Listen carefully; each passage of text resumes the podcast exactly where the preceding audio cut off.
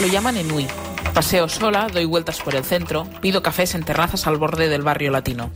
París no es París todavía, sino un recuerdo, una imagen de sí misma. Elle est née d'aujourd'hui dans le cœur d'un garçon.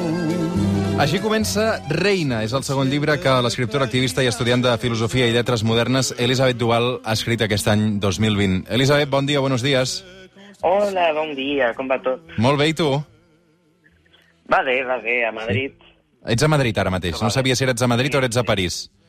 No, no, no, el confinament em va agafar a Madrid i aquí m'he quedat i no sé quan podré sortir, O però sigui, aquí estem esperant. vas haver de marxar de correcuita de París, per tant, no? Per, per, per poder tancar-te a casa, si més no.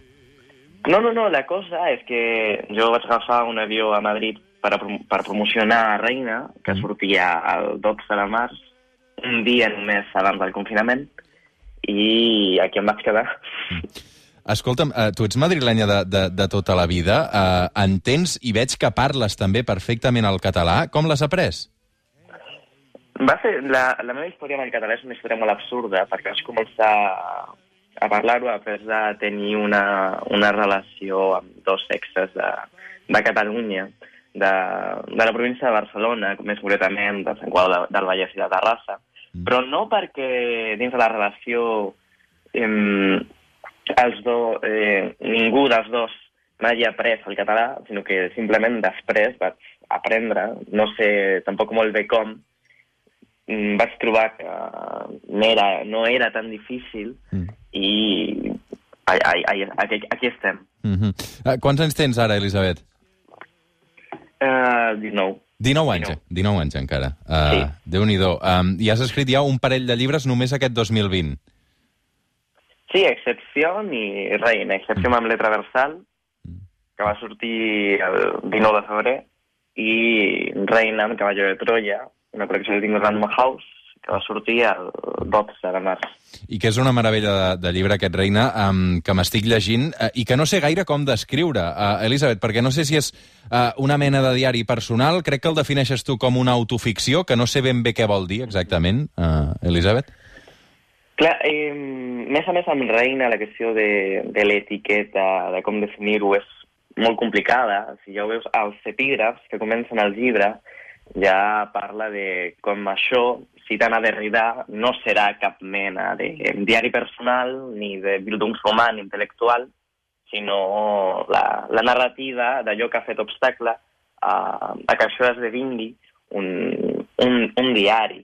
Jo crec que el llibre barreja una mica l'assaig, la, la novel·la i, i tot això, i entra, però també per criticar-ho, dins de la narrativa de la literatura del jo, l'autoficció, que és una ficcionalització dels fets reals viscuts per, per la persona que escriu, però la, la voluntat del llibre és profundament de, de criticar tot això i de criticar aquesta literatura i de criticar els seus mecanismes. Uh -huh. uh, és una crònica de, dels temps que vivim, perquè hi parles del 8M, hi parles de l'incendi de Notre Dame, de les manifestacions dels armilles grogues, uh, del dia a dia a París... Uh, Però ara és gairebé una crítica històrica. Sí, perquè tot, tot queda molt desfassat. Clar, el coronavirus no et va entrar no? dins d'aquesta crònica i, i, i sembla antic, no, ja? Sí, sí, sí, jo, jo ho deia només uns dies després de, de la sortida del llibre, que Reina era, tot un cop, eh, una novel·la històrica, perquè parlava d'un temps que era completament anterior a, allò que estem vivint ara, a la nova normalitat, a les fases del desconfinament, i que no té res a veure. Reina... Bo, a, a, a, això sí que potser té qualque cosa a veure, i és que Reina es veuen terrasses amb gent que Mm. va a les terrasses a, a prendre una cervesa. A fumar i a lligar, també, eh? Sí, sí, sí, sí, sí, sí. Més enllà, més enllà d'això, eh, no té res a veure al món de 2018, al 2019, amb el món d'ara dins unes circumstàncies completament excepcionals. Mm. Que, que potser tenen més a veure amb el primer llibre que vaig sortir, Excepció, parlava dels fets d'octubre a Catalunya i par parlava d'un estat d'alarma, eh, un estat d'excepció suposat, Mhm. que potser té més a veure amb el que estem vivint ara. Segurament eh, hi haurà gent que eh, pensarà, o, o si ja et coneix abans, que Reina doncs, eh, es busca també una història escrita en primera persona sobre la teva experiència trans. Però tu de seguida ja vas deixar clar que uh, no buscaves això i que la gent rebaixés aquestes expectatives perquè tu no volies que el protagonisme del teu llibre se l'endués uh, aquesta experiència en primera persona um, que tu has viscut i que ja havies explicat altres vegades, no? Sí, i jo crec que això també és un, és un privilegi. És el privilegi de poder viure la meva vida sense tenir tot el temps de manera constant al cap el fet d'ésser trans, el fet de viure com una persona trans, el fet d'ésser de, de, reconeguda com una persona trans al carrer. I jo crec que això és una, és una qüestió de privilegi, és una qüestió d'una posició privilegiada dintre d'aquest sistema. Però no volia fotografia trans perquè em semblava que la meva posició era privilegiada i no era tan interessant dins de, dins de lo trans com podia ser-ho la d'altres persones, persones, dones trans que han començat el trànsit a, a una edat molt superior que la meva, que per a mi són, són històries molt més violentes, molt més cruentes i molt més interessants que, que la meva, que dins d'allò trans no té cap mena d'interès. Mm -hmm. Sí, però que hi trobem reflexions com aquesta. La socióloga que trabajaba como gestora de pacientes cordialmente me comunicó que si en algún momento me arrepentía de mi precipitada decisión, leas entre líneas capricho, de emprender el glorioso y apolíneo camino de lo trans, la única salida que tendría sería tirarme de un puente.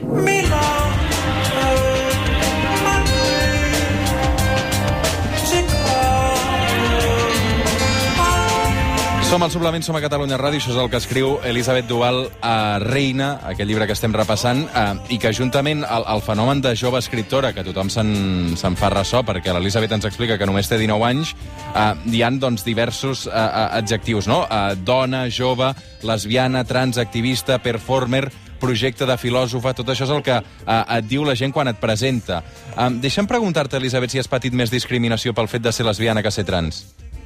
Sí, aquesta és una cosa que ja parlava en altres entrevistes, però per al privilegi del qual parlava eh, només hi ha uns instants, precisament mm, a la meva vida quotidiana, moltes més vegades m'han cridat al carrer, m'han dit qualsevol cosa, ho he patit, que diguem, una agressió verbal per, per, pel fet de ser lesbiana que pel fet de ser, de ser trans. Simplement una, és una qüestió d'estadística. No tinc, diguem-ne, té, té aquest concepte del cispassing, que és el moment una persona trans no sembla físicament eh, ésser trans, i per això, és una qüestió de privilegi, moltes vegades, quan he estat amb una dona al carrer, eh, he sigut l'objecte d'aquesta violència, que és una violència de l'esbofòbia, no, i no pas la transfòbia. Uh -huh. um, quantes vegades t'han dit que eres massa jove per, per fer tot això que estàs fent? Va, moltes, moltes, però no, no tinc cap intenció de, de comptar-les. És com aquest, tot aquest tema de, de les etiquetes, que a mi mai és la cosa que, que m'hagi interessat de, del tot. Ni la joventut m'interessa, ni les generacions, ni la generació Z, ni, ni ser representant de la generació Z m'interessa, ni, ni mateix eh, l'etiqueta de trans m'interessa perquè no, no la tracto. Mm -hmm. Però tens la sensació eh, a nivell del teu cap de tenir eh, un cervell i un comportament um, d'una persona de més edat de la que realment tens o no? Va, no ho sé, perquè també em podria sortir exemples de molta gent de 30-40 anys que es comporta com si tingués mm -hmm 20, 15 o, sigui, o, són, o són encara, no? Eh, la seva manera de comportar-se amb l'adolescents.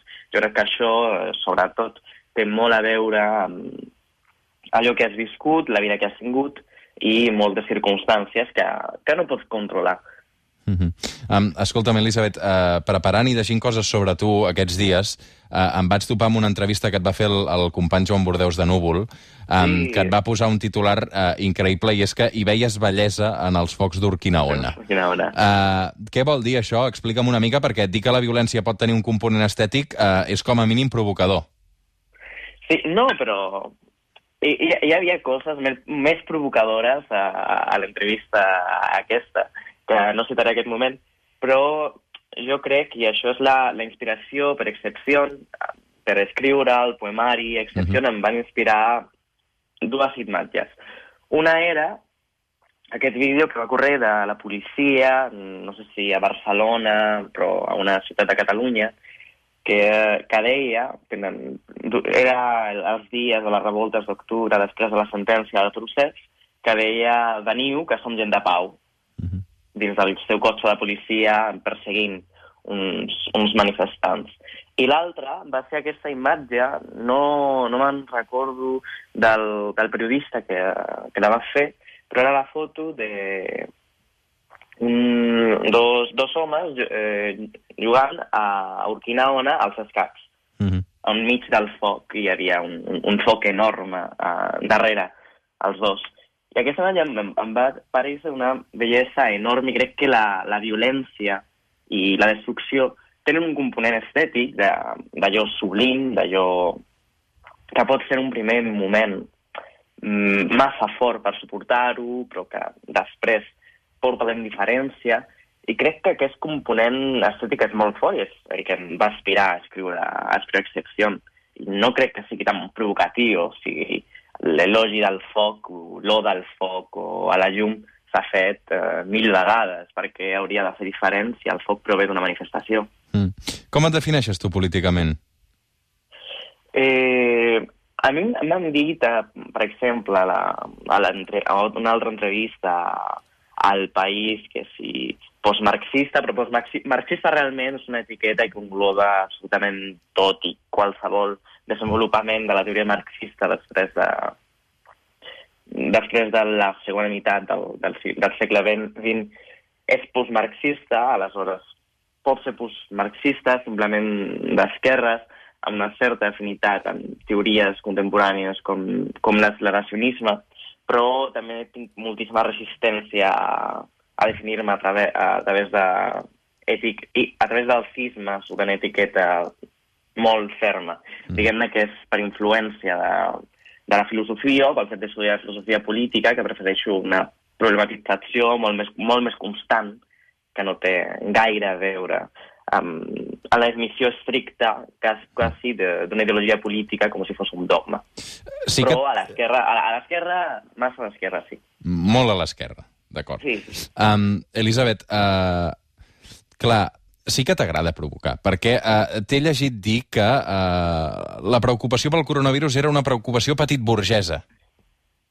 Sí, no, això va ser i, i va ser un, un dia, una, una bogeria al, al, al Twitter, ah. però sí que era una, era una provocació era una voluntat de, de, posar, de posar qüestions, o sigui, no, havia un ton, eh, una tonalitat irònica al, al tuit, que en el context era, era evident, perquè jo deia primer, eh, i venia dins d'un fil de tuits, deia primer que, el eh, que la preocupació per al coronavirus era una preocupació per aquest burguesa, perquè volia conservar qual cosa, etc però després deia que jo tenia moltíssimes, moltíssimes ganes de entrar dins el meu confinament voluntari i posar-me a llegir tots els seminaris de Lacan, que evidentment no hi ha res més editorieso que posar-se a llegir tots els seminaris de Lacan eh, durant una pandèmia global. I, a més a més, en el fil de, de tuits jo posava algunes qüestions sobre ecologia, les víctimes de la pandèmia, les víctimes de la contaminació, i que és que vindria després de tot això de la pandèmia, que no, no es van comprendre gaire bé, jo crec, al moment. En París, los mendigos pasan por los vagones dejando pequeñas tarjetas. No hay mayor interacción. Una vez lees una, puedes dar todas por leídas. Dicen prácticamente lo mismo, piden prácticamente lo mismo. Un euro, dos euros, un ticket restaurante y duran prácticamente lo mismo en el asiento. Creus que són diferents les persones sense llar que et trobes a París dels que veus a Barcelona o a Madrid? Mm, jo crec jo crec que no, jo crec que no, jo crec que no. Jo crec que hi ha una, hi ha una, hi ha una experiència de, les persones sense llar que és similar a les grans ciutats o a les metròpolis com, com són Barcelona o és París o és Madrid. I no sé si la indiferència del, de la gent de París és realment particular o només és un, un, un efecte, una sensació que, que tinc, que utilitzo per, per, per al llibre, O sigui, no crec que els llibres ha- hagin de- d'escriure, de, més a més les novel·les, descriure la, la realitat de, de l'autora, ni el que pensa de debò, ni res com això, però em semblen interessant. No sé si són més indiferents. Potser sí que són més freds, la gent de París, més indiferent en general, però no sé si particularment amb la gent sense llar. Mm -hmm. Escolta'm, eh, em sorprèn molt tot això que estem explicant, eh, llegir també els teus llibres i la manera com, com afrontes la poesia o, o, o aquest llibre eh, titulat Reina, eh, i després repassar que has aparegut a aquest programa tan eh, estrambòtic que es diu First Dates, no?, que presenta Carlos Sobera.